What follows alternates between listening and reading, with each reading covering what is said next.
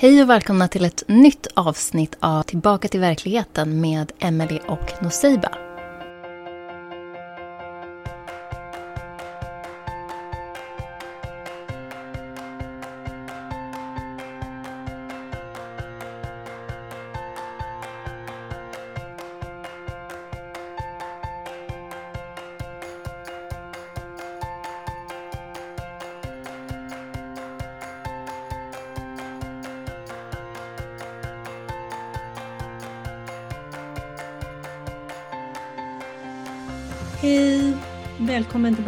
Verkligheten. Temat är hur vi undviker att bli manipulerade. Jag har lite annat, jag har några andra saker att säga bara, som jag vill fråga dig om också. Eller det är liksom, det går nog att relatera och få in på samma tema. Men hej, först kanske, hej, hej. Jag blir lite nyfiken på vad det är du tänker på. Vi kan ju köra en så spontanare och bara se vart vi landar. Ja, toppen. Det, det, jag tror det. Jo, jag undrar så här. Jag vet inte riktigt, jag kom att tänka på det här igår eller om det var i förrgår och så var jag så här, undrar vad Noceba säger. Alltså vad säger du om den här Andrew Tate? Vet du vem det är? Alltså grejen är att jag har ju sett hans namn poppa upp och sådär och eh, senast sa typ att han var arresterad eller något liknande. Men jag har faktiskt ingen aning om vad han står för. Jag vet hur han ser ut, men jag har inte klickat på något, jag har inte hört honom, jag vet inte. Min, mitt intryck av det lilla, lilla, så här, de små glimtarna jag har sett har varit att eh, det verkar vara som att antingen är man väldigt för honom eller så är man väldigt emot honom, typ så. Ja, jo men det stämmer nog ganska bra. För jag undrade också för att jag har typ inte heller någon riktig uppfattning om vem den här snubben är. Det var nyligen som jag liksom registrerade hans namn och hans ansikte och sådär. Men då har jag också förstått att han är ganska alltså stor kan vi säga så i samtalet om liksom maskulinitet och eh, feminism som kanske har gått för långt. Och, eh, eller ja, men på de temana, vad var det mer jag hade på tungspetsen? Jo men att han är ganska liksom stor där, ja just det, de här inom eh, citattecken liksom högkvalitetsmännen eller högkvalitetskvinnan och det där. Och eh, jag, det var någon, sen var jag också säga han muslim typ. Han har, bli, han har gått och blivit muslim. Men jag har nog mest tänkt att han så här, är, är någon med så här, ganska stort ego. Och liksom att han, vad säger, vad säger vi, att kanske rider lite på vågen av så här mycket saker som är sanna, men att han typ drar det för långt. Ja men du vet, det blir lite så narcissism, lite mycket ego och lite... Ja, alltså grejen är, det, det är nog lite den uppfattningen jag fått också av att så här, mycket av det han säger kan kanske stämma, men att det är från som sagt det jättelilla jag har sett, jag ska egentligen inte ens uttala mig om honom, men att det verkar vara lite så här raggningskulturkänsla över hela. Du vet för några år sedan det var jätteinne för män att så här, the game och allt, allt det där som var väldigt toxic egentligen. Jag tror att han är nog inte så här, han, vad är det man säger, att de bästa lögnerna blandar in eh, lite sanning i det. Det kan vara lite sån vibe. Jag vet att jag ja. såg någon som kommenterade på något han sa om kvinnor och hur han som då högkvalitativ man får de här tjejerna. Och så det visade sig att det handlade om så här, tjejer i tidig 20-årsåldern som var på krogen. Det var de liksom han refererade till. Och det stämmer ju inte så där jättebra överens med min bild av vad en högkvalitativ man typ går efter. Men som sagt, det här kanske var taget helt ur kontext, jag kanske har helt fel. Men som sagt, från det lilla jag har sett så det, absolut, det kanske är så att han är någonting på spåren, men det har beblandats med någonting som går lite åt fel håll egentligen. Ja, eller hur som helst var jag lite nyfiken i alla fall på om du hade något att säga om honom. För att sen också så förstod jag nu häromdagen, jag hörde någon annan prata om honom, liksom, att just det att han har blivit, han har blivit häktad för alltså typ, någon typ av trafficking eller liksom sexköp, att han skulle sälja kvinnor eller sådana saker. Men att han också då har suttit häktad ganska många månader nu tydligen, men det finns fortfarande inget åtal. Och då var jag så här, ja, det låter ju lite shady såklart. Ja, och så kan det ju vara. Alltså, det finns ju jättemånga exempel där när någon kanske kommer ut med någon typ av sanning, att man liksom försöker eh, så här, pinna liksom, någon typ av brott till den personen. Men jag känner att eh, oftast kan man häkta personen ganska länge medan man samlar bevis. Så jag tror att det är lite tidigt att så här, uttala sig om vad det här egentligen handlar om. Det kan vara så att det är en shady business, men min magkänsla just nu, ja det är så svårt. Ja, nej men för min magkänsla är nog så här, nej men jag, alltså jag skulle nog inte backa den här snubben liksom, men, eh, men sen så har, jag, så har jag inte alls svårt att förstå varför han eh, har liksom fått en stor plattform så att säga och så där. Men sen, det här kommer till nästa fråga.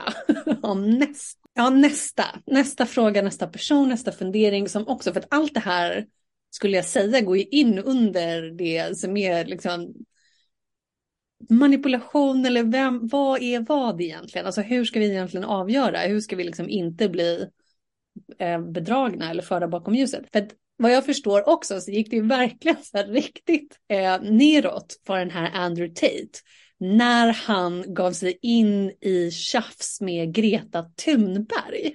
Och det var så här, vad har du att säga om den här Greta Thunberg? Alltså jag är ju inte sådär jätteinsatt i det heller. Jag vet att när jag var i Australien och så fort jag sa så här, nej men jag bor i Sverige så skulle folk alltid kommentera Greta, det var lite hennes peak. Och jag stod alltid som ett frågetecken och visste knappt vem det var och andra fick liksom, Aussies fick förklara för mig vem det var. Så min magkänsla är ju att det är någon typ av mark marknadsföringsjippo. Det är väl typ, ja det är nog det jag har att säga. Jag, jag vet inget om henne. Jag vet egentligen inte så mycket vad hon står för, förutom att det har något med klimatet att göra. Jag vet att det är jättetouchy idag att, att inte bry sig om klimatet. Vi håller ju på att gå under och allt det här liksom. Men eh, helt osensurerat, liksom, I don't care. Och eh, här, om, hon, om hon står och symboliserar efter att rädda världen så gör hon väl det. Men jag vet ju att hon har ju varit i tjafs med Donald Trump också. Så att eh, han är ju inte den första som eh, ger sig in i det där, men han har inte samma status och samma kontakter säkert eh, som någon annan. Men om något så visar det väl också att man kanske ska, nej så ska jag inte säga heller egentligen, jag tänkte att man kanske ska stick to one lane. Det kan ju också vara lite så att när någon får väldigt mycket luft, att då helt plötsligt så ger man sig in i liksom vilka diskussioner som helst istället för bara det här är min ruta, det är min expertis, det här är det jag har att liksom erbjuda världen. Istället så börjar man försöka ta, ta, liksom, ta sig an alla möjliga områden och på så sätt typ klättra på något sätt. Men, men vad tycker du? Menar du han Andrew Tate då eller Greta eller Donald Trump? Nej, jag menar Andrew då. Ah, ja, Ja, nej, men precis. Det är lite det jag menar med att han liksom lite, så, lite för uppblåst tror jag. Eller liksom han, han skulle kunna, som du säger, kanske göra sin grej och fokusera på att göra den så bra som möjligt och så hjälpsamt som möjligt för andra och sådär. Men jo, men för att då, då insåg jag ju då att så här, oj då, det, gick det blev verkligen inte bra när han började tjafsa med Greta, för att hon är ju allas typ gyll, den gyll, det gyllene barnet eller sådär. och jag, alltså jag är väl inte så insatt heller eller har sådär jättemycket kanske åsikt egentligen, men jag minns att jag för några år sedan när hon eh, ja, men var lite på sin peak, eller det var ett tal då. Det var ett tal som hon höll någonstans till, du vet, så statsmän eller högt uppsatta eller hur det nu var. Som fick jättemycket uppmärksamhet. För att hon, eh, ja men jag vet inte om hon blev liksom lite så, ganska starkt känslo känslosam och hon liksom så här, hur kan ni vuxenvärlden och typ den utvecklade världen, så här, hur kan ni låta eh, situationen ha blivit som den har blivit eller hur kan ni inte göra mer liksom för klimatet och så vidare. Och jag bara minns att, att jag kollade lite på det där talet och jag bara kände att det här är så fejkt. Hon är så här helt fel ute typ. Alltså för det första så säger hon saker som inte så är korrekta. Och det var också mycket snack då om att hon är på autistspektrat. Och jag var så här, alltså autister är ju inte direkt välkända för du vet, starka, passionerade, känslosamma, moraliska tal typ. Och det var bara så, hon var så coachad. Och så var hon coachad och så sa hon saker som liksom inte stämde. Vilket också fick mig att undra, så här, men vad är det för team och vuxna människor som hon har runt sig egentligen. Jag tror inte att jag är så intresserad liksom, av att, vad säger man, inte, inte, så här, inte höra vad hon har att säga, men jag lägger inte så mycket vikt liksom, i det som kommer därifrån, för det var bara, det var bara fejk liksom. Och inkorrekt. Ja, alltså, det är ju svårt för människor att inte vara populära när man får dem upptryckt i ansiktet. Liksom.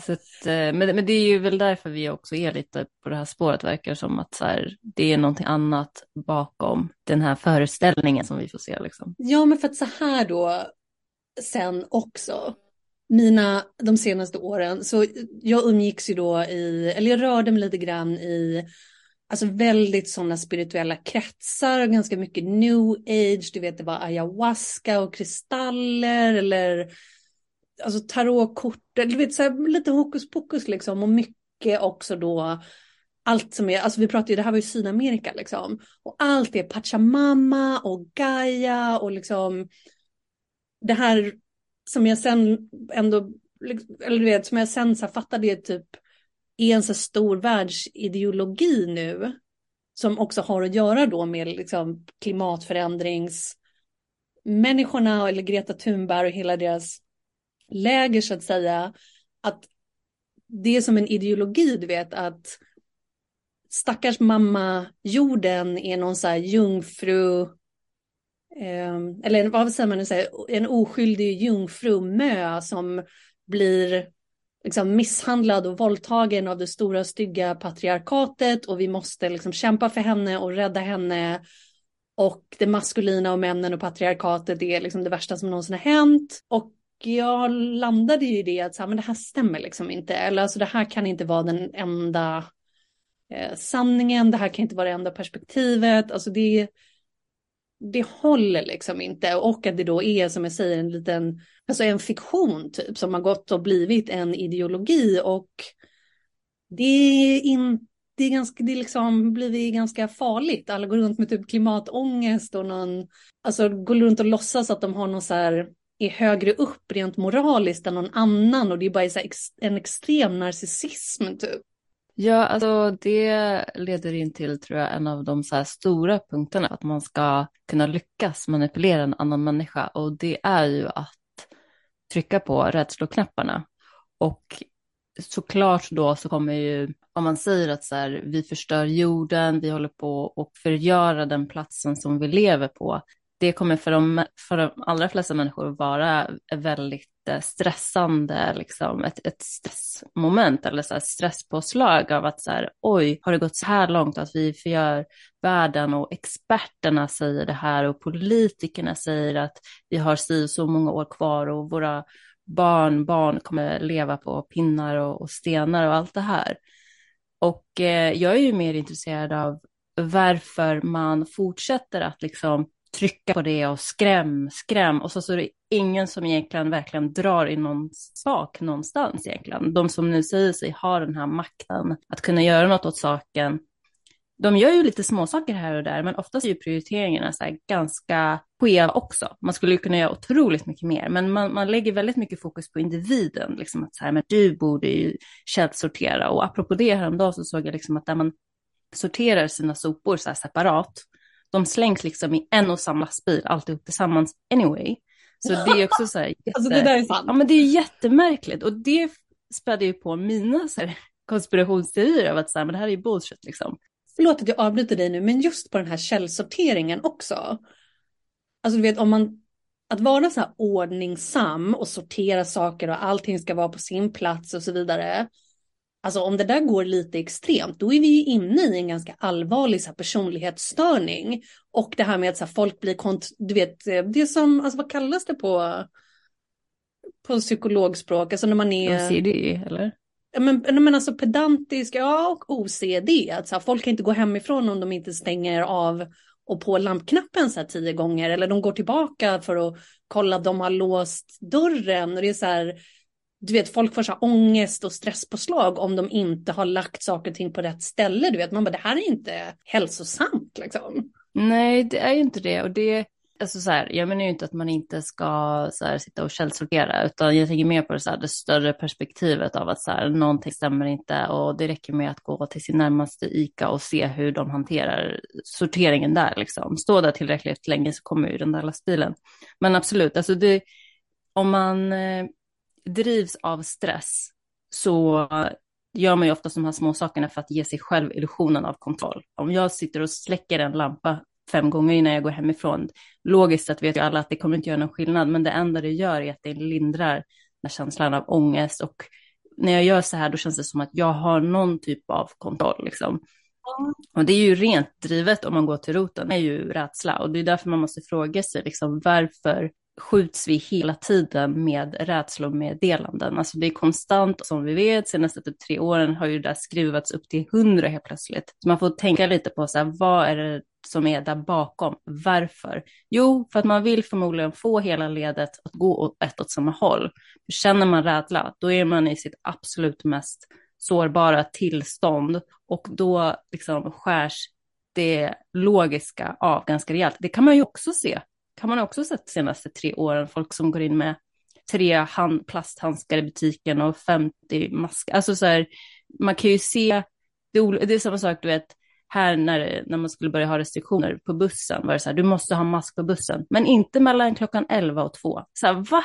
Vad, vad är det för jäkla konstigt så här, för då går corona på lunch helt plötsligt och då, då är det inget farligt.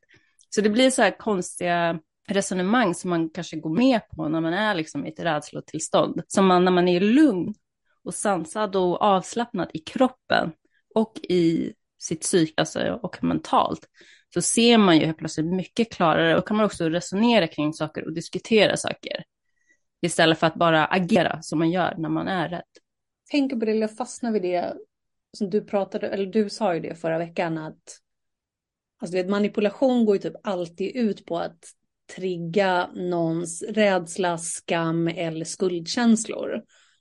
Och det känns som att allt som kommer från så här klimatförändringsvärlden och vissa kallar dem typ för alarmister, du vet att det är bara så här alarm, alarm, alarm, du vet, ah, det står katastrof till eller det går åt fel håll och liksom oj, oj, oj, det är, det är bara de sakerna som så här triggas igång hos människor.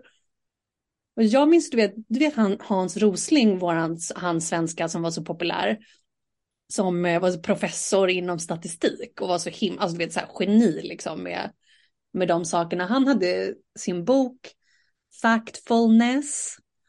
Och så finns det en massa andra böcker av så supersmarta människor, både professorer och typ miljöaktivister och sådär, som jag har tittat på, som också alla liksom kommer med meddelandet att ja, det finns saker att, att jobba på liksom vad gäller vår miljö, vårt klimat och du vet, balansen mellan oss och, och jorden och sådär. Men allting går åt rätt håll. Alltså allting blir bättre och bättre liksom. Jag har så svårt nu för, ja men för alltihopa.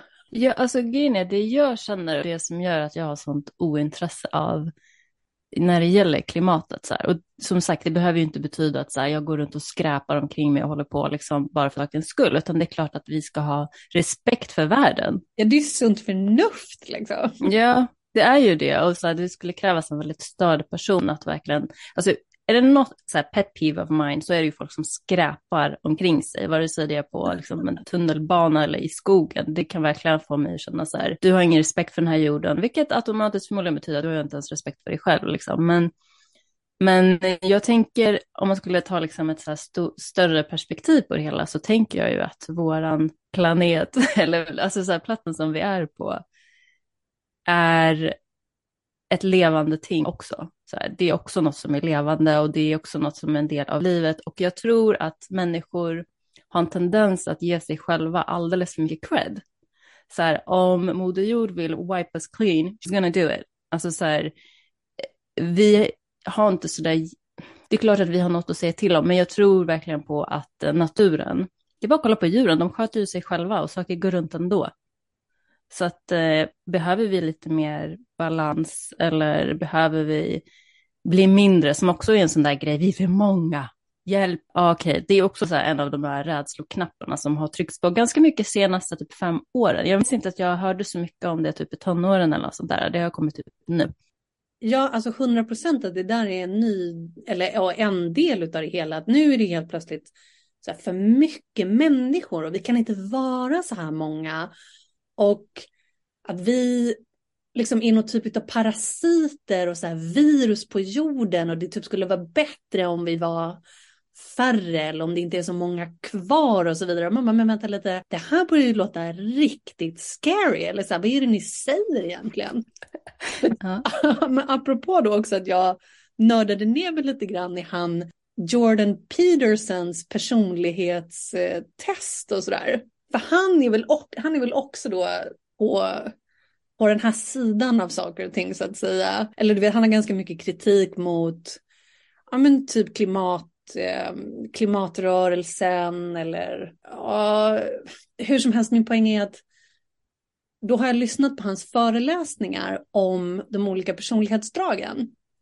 Och det som vi pratar om som har kommit med alltså rörelsen om att det måste vara mer ordning och reda och mycket, så här, ganska mycket skuld, skam och rädsla då.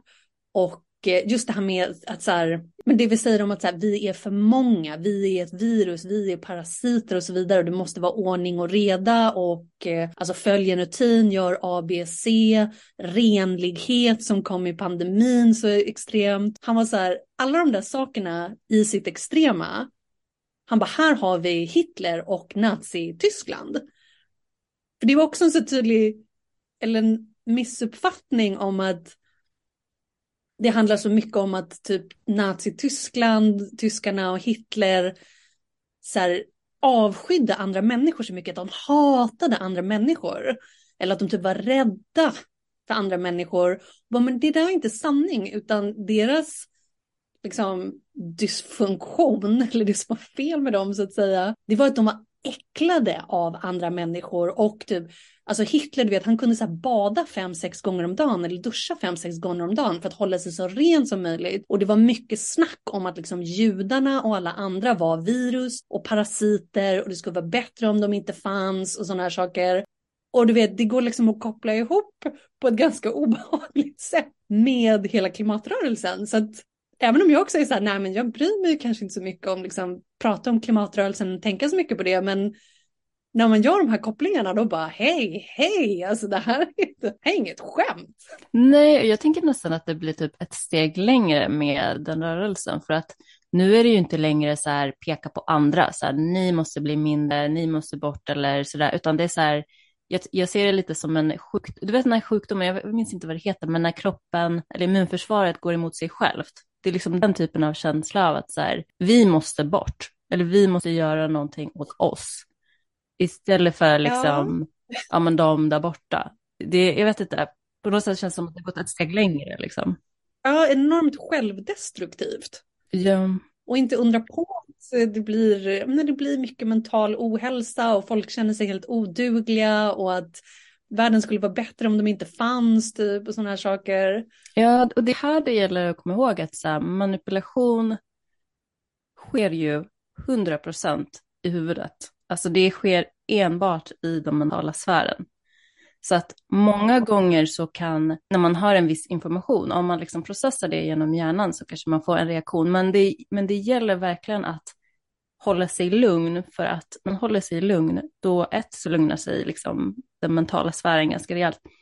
Men också man börjar känna kroppen mer. Alltså man kan verkligen känna i kroppen när någonting är sant och inte sant. Och jag tror verkligen på att i princip jag ska inte säga i princip, jag tror verkligen på att alla människor har den här förmågan och jag tror att det är därför man pressar på så mycket med rädsla. Just för att blockera kroppen för att komma in och säga hallå, det här stämmer inte, du behöver inte vara rädd, slappna av liksom. Ja, just det, det är det där som händer. Det är det där som händer mig då när, eh, alltså när neurotismen som det fint heter, kickas igång, eller alltså när du blir triggad, liksom när något gammalt trauma så triggas igång och du blir helt stressad men för att när det där systemet går igång, alltså amygdala, diamygdala, vad heter det på svenska? Det heter amygdala. Ah, ja, men titta. Alltså när det triggas igång. Det är alltså den delen av våran hjärna som är allra äldst som passar bra om du typ ska springa från någon som vill döda dig eller du behöver lyfta en bil som har landat på ditt barn. Eh, då är det jättebra, men annars så är det bara så stress, panik, igångtriggande och det gör att du kan inte, du kan inte tänka klart.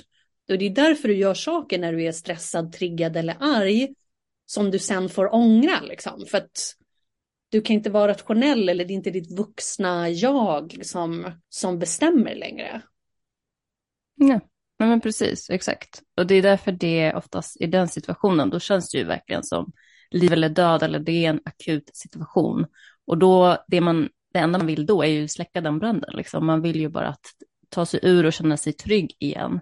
Och det är ju oftast där då som man blir absolut mest lättstyrd. För om någon kommer in då och säger så här är lösningen, det är klart att du kommer ta det. Du kommer ju göra allt som krävs för att lugna dig. Så att eh, det är därför också det är extremt taktiskt att liksom bara kasta på massa rädsla eller stress. Just för att få en person att göra som man vill. Ja, just det. Och det där är sin förlängning också, du vet, om man har ett, ett konstant kortisolpåslag eller om man ofta är stressad eller du vet, blir triggad hela tiden, stressad hela tiden.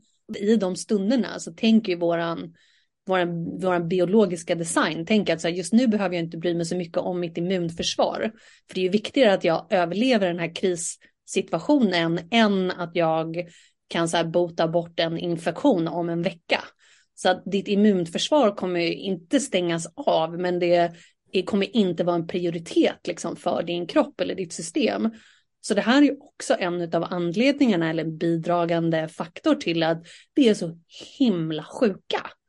Men så svårigheter att bli friska liksom. Och inte lika motståndskraftiga för typ corona. Eller någonting annat. Ja, Ja, alltså det, det, det minns jag jättemycket från så här studenttiden. För varje gång precis efter jag lämnat in en tenta så blev jag alltid sjuk. Så det, det är som att kroppen bara, nu är det överlevnad här, jag har inte tid att bli sjuka. Men så fort man slappnar av så brukar det där komma krypande tillbaka.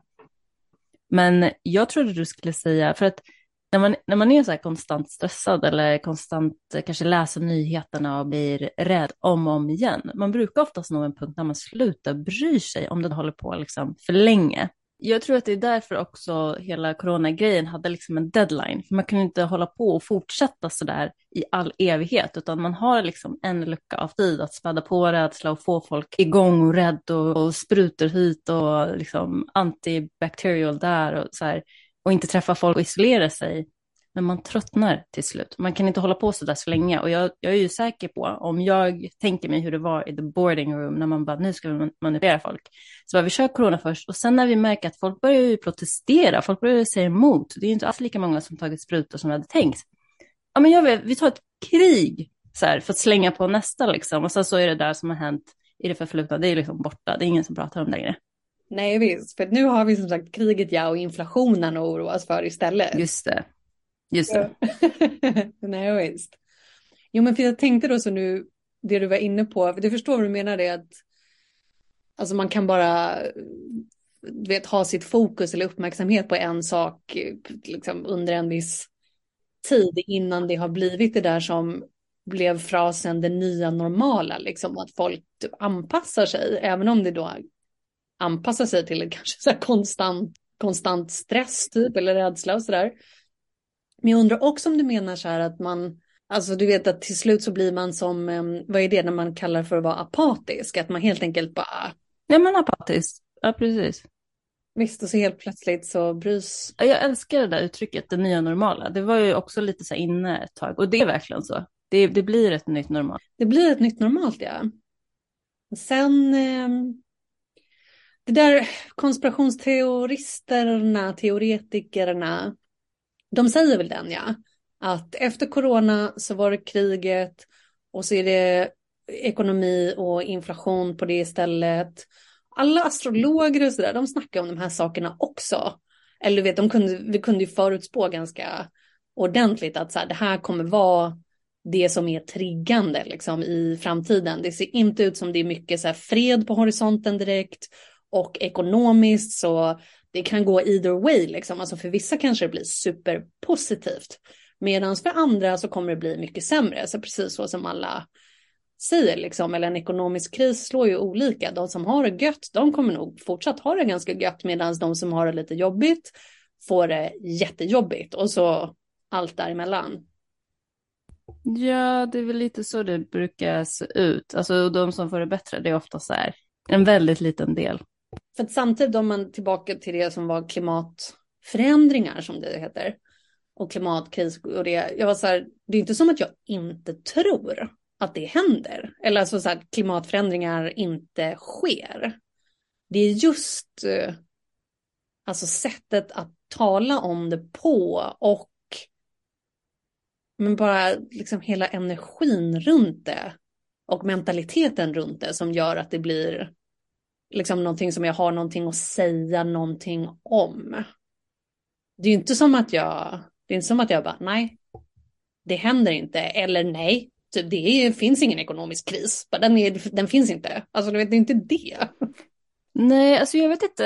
Jag tycker specifikt när det gäller klimatet så tror jag absolut också att det sker en förändring. Jag bara inte, eller jag, min magkänsla, jag är ingen expert på något sätt, men min magkänsla är att det inte är onormalt. Alltså det är inget som är farligt, utan att det sker lite då och då och att så här, vi människor är så vana vid, eller vi känner oss väldigt trygga när saker är så här väldigt, väldigt konstant hela tiden och minsta förändring, då är det så här, vad är det som är fel?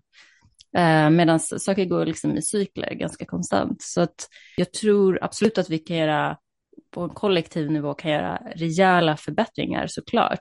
Men jag tror inte att vi behöver vara så rädda som eh, media försöker få det att framstå som. Och som jag sa innan, liksom, att om det verkligen hade varit så, så allvarligt och politikerna tar det här på största allvar, ja men då hade de faktiskt gjort lite mer, tror jag. Alltså så här, varför, varför dra ut på eländet om det är så illa? Ja men visst. Men det finns så många hål liksom i det där. För att, eller också, alltså, vi i Sverige, alltså, om vi skulle typ sjunka ner under havsytan imorgon så skulle det påverka så här, klimatsituationen på våran jord. Alltså noll. Du vet, vi är så små, vi är så liksom obetydliga i den i, det, i den dynamiken, liksom, i det kontextet egentligen. Allting handlar ju liksom om Asien, delar av Afrika och Sydamerika typ. För där är folk så fattiga att de har inte lyxen att bry sig om klimatet. Alltså du vet, det finns inte på deras lista av prioriteter. Så jag tror också mm. att så folk missar, och det är gärna då de som gillar att tjafsa om att alla är så privilegierade och liksom du ska inte komma här och säga någonting om någonting för du har ett privilegium. Man bara, alltså, ni som trycker på den här klimatförändringarna och klimatkrisen, ni är privilegierade liksom. Alltså det är ett så här mm. hämt liksom att ni kan gå runt och säga att det här är det största problemet typ. Ja men precis, jag tror att det där är en jättebra poäng. Alltså så här, om jag är i Sudan då är det ingen som pratar om eh, klimatet direkt och vilken eh, skit vi så att säga sitter i just nu. Men det är också intressant för att det är väldigt mycket så här, okej, okay, eh, fattiga länder, eh, liksom, alltså ah, okej, okay, de är jättefattiga och eh, de kanske inte är de bästa när det gäller klimatet och sådär. Men så är det så här, men varför är de fattiga? Alltså det har ju också kopplat till västvärlden som, alltså man kan ju nysta i det där hur mycket som helst egentligen, men det handlar inte bara som sagt om att källsortera här uppe, utan så här, väst gör saker mot fattiga länder så att det blir ganska illa där med. Och det i sin tur är inte heller bra för klimatet på massa olika sätt, som med plast som det snackats jättemycket om. Det är så här, vi ska förbättra världen genom att nu har vi inga mer plastkassar. Vi hugger massa träd istället för papp. Alltså så här, what? Då är vi ju där igen liksom. Ja, Ja men visst, jag blir bara så trött på, för jag skulle gärna vilja ge all min tillit och uppskattning till våra politiker liksom, men de snackar ju bara skit. Det blir bara så här blaj, alltså de fokuserar ju inte ens på någonting riktigt. Och jag menar, om människor som du och jag så här lyckas pussla ihop det här och hitta rätt information och så här, alltså hur kan liksom folkvalda politiker, universitetsutbildat folk många gånger så här inte göra det.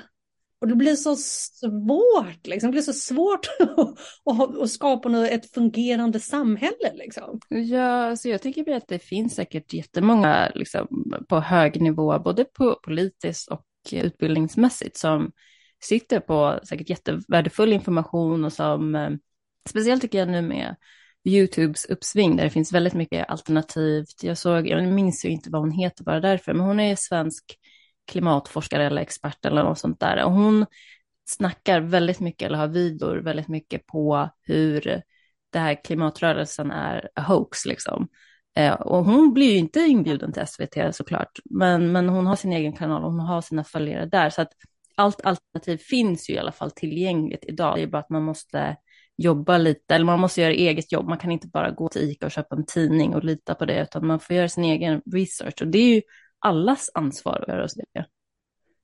Jo, men nu sa du någonting som är sant, att de kanske visst finns där mycket mer än vad jag och många andra tror. Det är bara det att de inte syns, nej, för de blir inte inbjudna, de blir inte uppmärksammade och så vidare. Så det hade du ju en bra poäng i. Och det var väl här någonstans som jag menade med, jag så här, jag gillade inte det där talet med Greta Thunberg och så där, för att hon, ja men det var väldigt mycket fokus på att hur kan ni ut i liksom de utvecklade länderna och de rika länderna i väst, alltså hur, hur kan ni inte göra mer typ, eller allt det här är ert fel, när det egentligen är så uppenbart och jättetydligt att det är länderna i väst och som har mest pengar som gör allra mest för klimatet, har allra minst utsläpp och så vidare. Och det var där jag menade med att jag bara, men du, det här är inte ens sant det hon sitter och säger. Så här, vad är det för människor som coachar henne? Vad är det för team liksom? Vad, vad är det frågan om? Nej, men det gäller ju, alltså jag, jag tänker i alla fall att det är bra att du ens reagerade på typ det talet. Jag kan tänka mig att det var jag ska inte säga alla, men jag kan tänka mig att det är väldigt många, speciellt då när hon var som mest hype, att eh, man bara sväljer det hon säger och bara wow, vilken inspiration eller något liknande. Ja, och jag tror att det igen, alltså i alla fall då i Sverige, för att vi, du och jag, vi är ju ändå svenskar och sitter här och pratar på svenska sådär. Jag tror också att det är så här, våran kollektiva då, typ narcissism. Som, ah, titta på den här tjejen, hon är från Sverige och bara wow.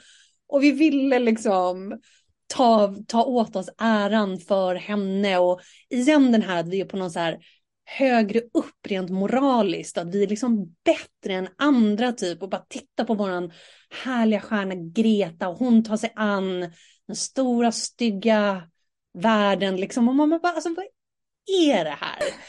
Men vet du, det där är så sant, för att det är ju lite det Sverige är känt för, att så, ni har kommit så långt med jämställdhet och nu klimatet och så här. Så att eh, det, det ligger nog någonting i det, att det är väldigt mycket att man ska visa sig duktig, vilket visar sig både på individ och kollektivt, obviously. Ja, men att vi verkligen, vi gör det vi svenskar. Vi, alltså, det kan vara mer eller mindre medvetet liksom, men går runt och tror att vi är bättre än andra, du vet. Och att all, all våran eh, alltså framgång gällande teknik och så vidare, att den är så himla positiv bara.